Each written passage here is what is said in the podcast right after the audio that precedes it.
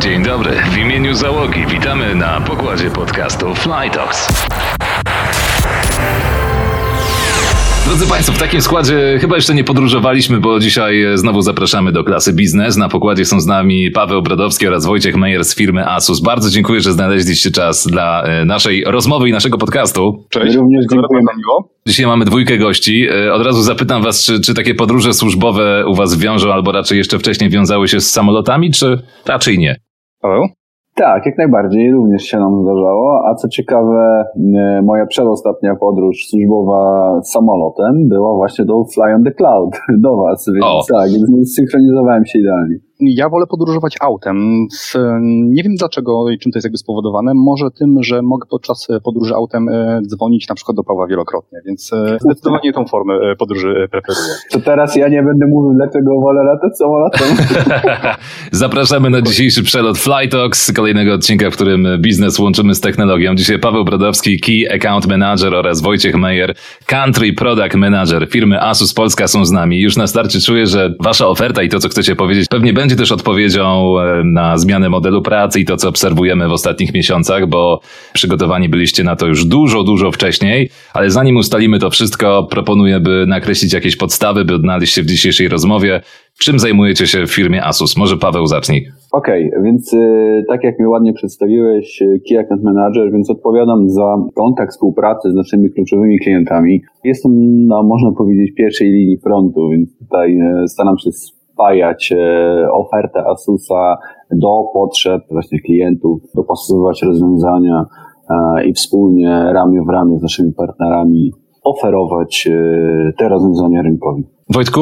Wojciech Majer, dzień dobry, bardzo mi miło. Jestem e, Country Product Managerem w firmie Asus. E, Odpowiedzialny jestem za rozwiązania do wideokonferencji, za komputery mini PC, w tym rozwiązania Chromebox, za profesjonalne płyty główne do stacji roboczych oraz serwery i same stacje robocze Asus. Niejako odpowiedziałeś na moje pierwsze pytanie, bo firmę Asus kojarzymy z notebookami, e, tabletami, różnymi komponentami komputerowymi czy smartfonami. Czym jeszcze generalnie zajmuje się firma Asus? Czy są jakieś branże, które powiedzmy nie są na tej pierwszej linii frontu?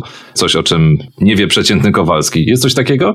to, co powiedziałeś, jest jak najbardziej prawdą i Asus na pewno kojarzy się z, z notebookami, ale e, moje takie pierwsze skojarzenie, jeżeli chodzi o brand Asus, e, to przede wszystkim płyty główne. Osobiście mój e, pierwszy komputer złożony z 20 lat temu co najmniej, opierał się właśnie na płycie głównej Asusa. E, I tutaj warto jako taką ciekawostkę powiedzieć, że właśnie firma Asus e, rozpoczęła swoją działalność na rynku, było to w 1989 roku w Polsce też rok przełomowy, jeżeli chodzi o sprawy związane z, z, z odzyskaniem wolności tak, w kraju, czy też kwestie solidarnościowe, a na Tajwanie trzech inżynierów w mieszkaniu rozpoczęło produkcję płyty głównej. Pierwszej płyty głównej, która miała e, być e, dla procesorów Intela i taką ciekawostką jest jeszcze fakt, że e, inżynierowie ci e, nie mieli dostępu do tego procesora, więc w ogóle to było fenomenalne, że oni zaprojektowali płytę, e, która miała obsługiwać procesor, do którego oni nie mieli dostępu. No, jest to jakiś rodzaj magii. Jak, jest to jakiś rodzaj magii, którą myślę, że, e, że tutaj warto wspomnieć, że Asus stara się utrzymywać do dzisiaj w swoich produktach i, e, i, i faktycznie im się to udało. 80, 89 rok, powstanie firmy. Płyty główne, oczywiście e, to, to ogromny zakres takiego czasu, więc no, w tej chwili te płyty główne zupełnie inaczej wyglądają. Natomiast jeżeli chodzi o, o powiedzmy przemysłowe rozwiązania, bo tutaj też o nich wspomniałeś, tak, to warto właśnie powiedzieć, że na dzień dzisiejszy wpłynęło e, wiele czasu i Asus e, bardzo mocno rozwinął swoje portfolio produktowe. W tej chwili e, skupiamy się mocno na rozwiązaniach również IoT. To jest jakby gdzieś e, no, przyszłość i, i, i tutaj właśnie mm, chociażby sztuczna inteligencja, czy właśnie chociażby płyty główne, które gdzieś wspierają tą branżę IoT, małe rozwiązania, e, e, rozwiązania typu embedded, armowe, e, no to są bardzo ciekawe produkty i, i tak naprawdę ich wykorzystanie jest bardzo szerokie, tak? Tutaj chociażby e, systemy parkingowe, no, no można byłoby wymieniać zakres tych e, branż, czy też e, działów, do których te płyty są dostarczane dość długo, tak? Ale to, to właśnie kierunek, w którym na pewno chcemy rozwijać e, się jako marka. Co mogę dodać do wypowiedzi Pawła, to faktycznie e, firma bierze początek z płyt głównych, tak? To, o czym mówi Paweł, tych trzech inżynierów, którzy e, pracowali nad płytą, nie mając nawet procesora, daje pewien obraz jakby sposobu myślenia w naszej firmie. I tak jak zapowiedział nas Paweł, e, ja również, odkąd mam kontakt jakby z marką Asus, w ten sposób nas postrzegałem, a co więcej, rozmowy z naszymi klientami ten fakt każdorazowo potwierdzają. Płyty główne to jeden z filarów, jakby, na którym firma opierała i opiera nadal swój rozwój. Całość portfolio można określić jako e, kompleksowe. Dzięki temu właśnie, że rozwijamy różne e, inne segmenty, możemy współpracować z naszymi klientami na wielu płaszczyznach. E, między innymi w rozwiązaniach sieciowych, w serwerach, komputerach typu PC, w tym bardzo szybko rozwijającej się gałęzi Chromeboxów, jak i zestawów do wideokonferencji. O tym wszystkim będziemy również mówić później w trakcie dalszej części podcastu, ale warto wspomnieć jakby, iż nie są to jedyne gałęzie produktowe, w jakich możemy działać wspólnie z naszymi klientami. Na etapie projektowania na Tajwanie inżynierowie nie widzieli teraz my nie widzimy się na żywo. Jak odnajdujecie się w bieżącej sytuacji? Co może obserwowaliście mm, w czasie wybuchu pandemii i przez ten czas, który już tak naprawdę można liczyć w miesiącach i prawie latach? Jak zmienił się wasz model pracy? Które rozwiązania sprawdziły się wewnętrznie na tyle, że zostały wprowadzone może trwale do struktur? To ja pozwolę sobie tym razem zacząć. Branża technologiczna, jakby tak jak sam zauważyłeś, od samego początku była tą, e, która można powiedzieć, że wyznaczała trendy w zakresie komunikacji zdalnej, e, w zakresie pracy zdalnej, czy też nauki zdalnej. Większość działań e, nawet tych codziennych wykonujemy pracując na komputerach w naszych domach. W obecnej sytuacji pandemicznej, tym bardziej teraz, po wprowadzeniu kolejnych obostrzeń, w kolejnych jakby obszarach naszego życia spędzamy i będziemy spędzać coraz więcej czasu w domach. I to właśnie tam pracując będziemy korzystać ze wszystkich produktów, które nam to umożliwiają. Zmniejszyła się na pewno ilość e, spotkań bezpośrednich, e, które teraz najczęściej odbywają się właśnie zdalnie, ale tak jak już wspomniałem wcześniej, w naszej branży było to praktycznie codziennością. E, spotykaliśmy i spotykamy się na platformach cyfrowych i możliwe, że kiedy już uporamy się z pandemią, liczę, że w końcu to nastąpi, być może ilość godzin e, na tak zwanym home office będzie na stałe wpisane już w naszą rutynę. Chociaż nie ukrywam, iż e, spotkań w biurze, e, rozmów z ludźmi, szczególnie twarzą w twarz, w takim natężeniu, szczególnie jakie były kiedyś, mi osobiście, ale zakładam też, że jakby wielu z, nam, z nas bardzo, bardzo brakuje. I Paweł myślę, że to też jakby poprze tą kwestię, ponieważ jakby my, ludzie pracujący w Asusie, bardzo często bazowaliśmy e, nasze działania na właśnie spotkaniach bezpośrednich e, z klientami. Paweł, cierpisz? Twoje kontakty z klientami ucierpiały? Czy starasz się nadrabiać to, wiesz, na odległość? Da się? E, jest, da się, jak najbardziej. Fajne jest właśnie to, co Wojtek powiedział, że technologia jakby tutaj wyciąga tą pomocną dłoń Natomiast e, no, są pewne rzeczy, których nie da się e, jakby online'owo zrobić, to chociażby zapach e, wspólnie pitej kawy, tak, który można poczuć podczas spotkania. Jeszcze, jeszcze, jeszcze. się nie da. Tak? Czy rozwiązania dostarczane przez chmury były też ratunkiem w jakimś stopniu dla, dla waszej firmy? Czy codziennością? No więc właśnie, no, tak jak mm, już dodałeś teraz na samym końcu, w naszym przypadku rozwiązania w chmurze są, stosowane od dawna. W mojej ocenie wiele firm odkładało wsparcie e, swoich działań w chmurze na później i moim zdaniem e, był to na pewno błąd, dlatego teraz e, faktycznie jakby wiele z tych firm może to uznać za istotne koło ratunkowe dla swoich firm. No, na pewno zauważyliśmy tutaj wzrost zainteresowania produktami Asus, które wspierają rozwiązania chmurowe. Tak jak Wojtek wspomniał, wiele firm odkładało tą decyzję na później. Natomiast no dobrze, że zauważają korzyści, jakie płyną z tego rozwiązania, tak? zwłaszcza w obecnych czasach. Dzisiaj na pokładzie odcinka Paweł Brodowski, Key Account Manager i Wojciech Meyer, Country Product Manager firmy Asus Polska. Kolejne pytanie do Was, y, bo obserwujemy zmianę modelu pracy y, stacjonarnej i ten wariant hybrydowy się pojawia i czy to też można przenieść na hardware, na sprzęt, czy komputery stacjonarne, można powiedzieć, odchodzą w cień, zwłaszcza teraz, czy ta dynamika tych zmian nabrała tempa? Okej, okay. więc yy, to tak, na pewno można zauważyć yy, taki yy, malejący trend dla komputerów stacjonarnych, tak, i zainteresowania. Natomiast yy, tutaj oczywiście one ustępują gdzieś powiedzmy yy, miejsca notebookom, Natomiast yy, trzeba yy, powiedzieć jasno, że no one na pewno nie odejdą do lamusa, to, to, to jest pewne, ale y, co, co ciekawe, te komputery stacjonarne no też y, ewoluowały w pewien sposób. Coraz częściej y, zastępowane są chociażby mini PC, tak, czyli małymi komputerami w takich małogabarytowych obudowach.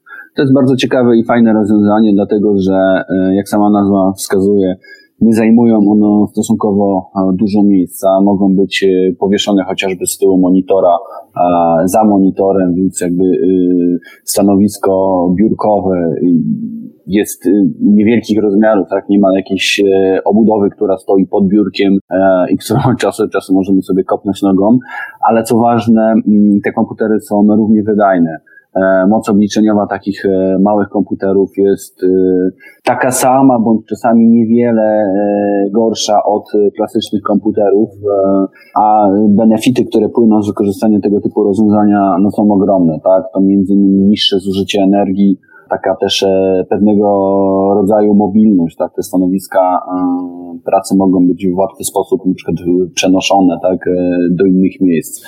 Więc, więc myślę, że tutaj mówiąc o komputerach stacjonarnych, warto wspomnieć o, o takiej grupie produktowej, jakie właśnie są mini PC, tak, małe komputery. Czyli jeśli pracujemy powiedzmy jeden dzień w tygodniu z biura, to możemy ten komputer, który stoi na co dzień po prostu wziąć pod pachę Dokładnie. i nie będzie to stanowiło problemu i nie musi być Dokładnie. tak zminiaturyzowany jak, jak laptop. Dokładnie. Mhm. Ale i dla użytkowników typowo domowych też coś się znajdzie. Możemy stworzyć sobie własne domowe centrum rozrywki y, w oparciu o swój telewizor, nawet stary. Taki y, stick czyli y, komputer w formie pendrive'a, praktycznie można powiedzieć, wielkości pendrive'a, wpinany do portu HDMI y, telewizora e, sprawia, że ten telewizor, y, czy to urządzenie, do którego jest podpięty, no staje się centrum nowej rozrywki. Na przykład jeżeli ktoś ma starszego typu odbiornik telewizyjny, który nie ma tej funkcjonalności smart, to wystarczy takiego, taki mini PC dołączyć do telewizora i już możemy cieszyć się właśnie tą multimedialną rozrywką w domu. Dokładnie, tak naprawdę mini PC również może być takim rozwiązaniem tak, w którym jakby agreguje się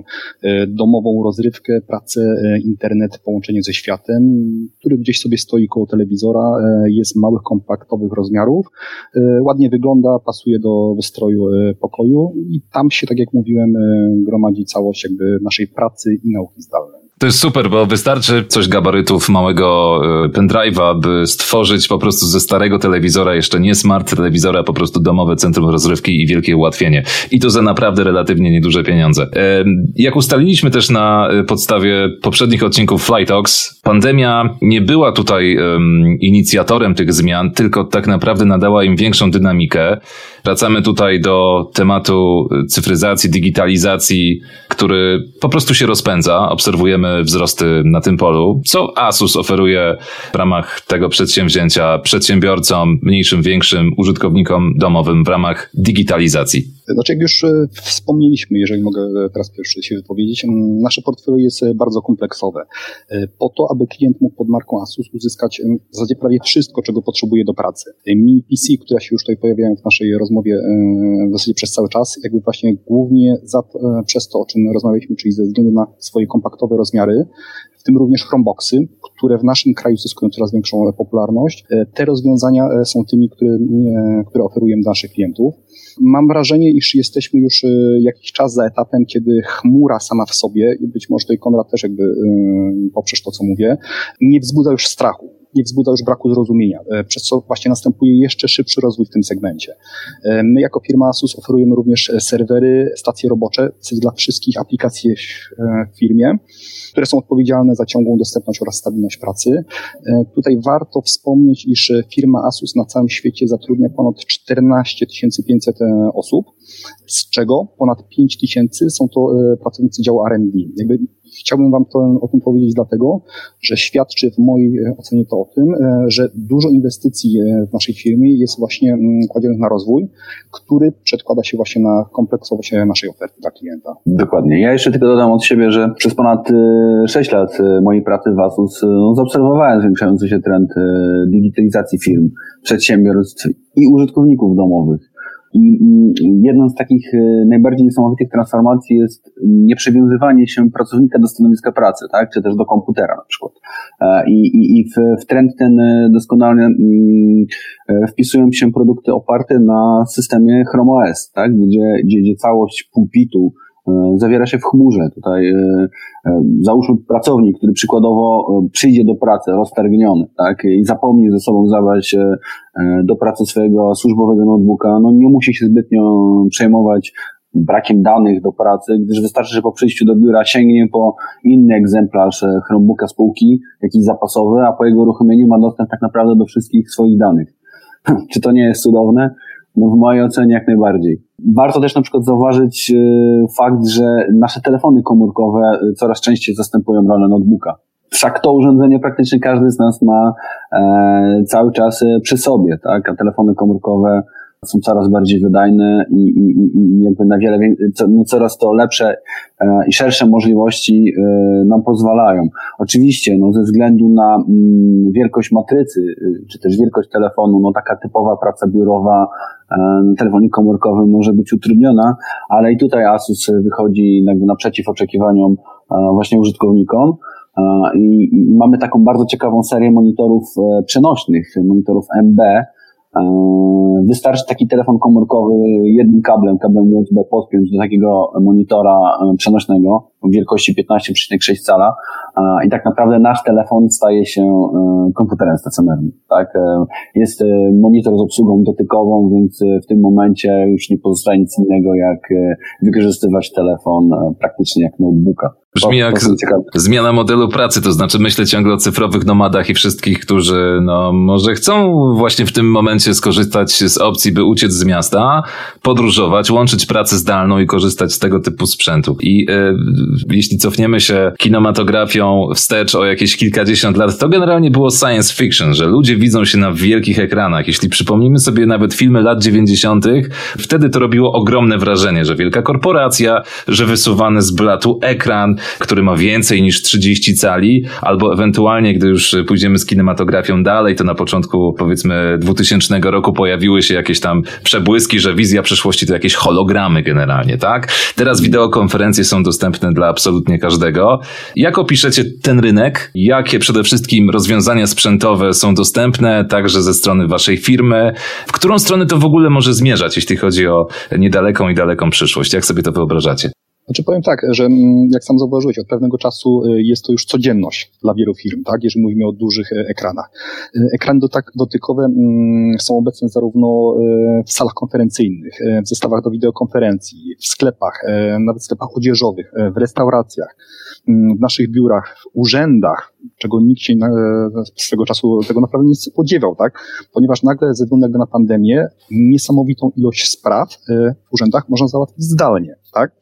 Takie duże ekrany są e, obecne w naszych domach, e, a za każdym z tych ekranów znajduje się jakaś jednostka obliczeniowa, którą często jest właśnie Chromebook, Chromebook, przepraszam, Asusa lub też Mini PC. Jeżeli chodzi o jakby drugą część Twojego pytania, jakie rozwiązania sprzętowe są obecnie, zakładam, że jakby dostępne do wideokonferencji, mm, jako firma Asus oferujemy naszym klientom rozwiązania sprzętowe Asus w ramach e, Google Meet Hardware, które są rozwiązaniami do wideokonferencji w rozdzielczości HD i wspierającymi Google Meet dostępne zestawy, które my oferujemy, y, są gotowymi rozwiązaniami, które może wdrożyć w zasadzie każda firma, umożliwiając, szczególnie obecnie, E, spotkania na przykład kadry menedżerskiej z pozostałymi pracownikami firmy, spotkania poszczególnych.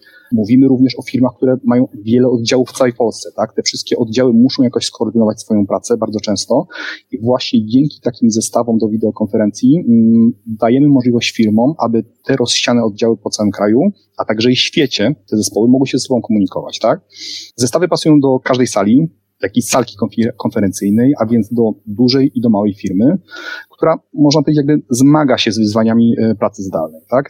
Nasze zestawy posiadają e, kamery Ultra HD, posiadają e, wyświetlacz LCD, głośniki z mikrofonem stworzone przy współpracy z Google, a całość prezentacji, która jest na przykład wyświetlana podczas spotkania stacjonarnego lub zdalnego, może zostać uruchomiona na przykład przez port HDMI.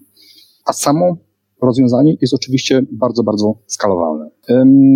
Była jeszcze trzecia część twojego pytania. Czy możesz ją powtórzyć? Bo tak zarejestrowałem, że takie trzy na trzy Tak. E, trzecia część dotyczyła tego, w którą stronę może zmierzać rynek. Czy możecie zdradzić, nad jakimi rozwiązaniami na przykład pracujecie obecnie? Co może pojawić się w niedalekiej przyszłości? Albo w tej dalekiej, e, tutaj akurat może sfera marzeń. Jak chcielibyście, by wideokonferencje wyglądały? Paweł wspominał o tym, by można było wyczuć sensorycznie na przykład zapach kawy, tak? To byłoby... Byłoby to fantastyczne na pewno doświadczeniem e, na każdym ze spotkań. Myślę, że również na tym, także pomimo tego, że każdy z nas zapakawi jest w stanie w jakiś sposób wyobrazić.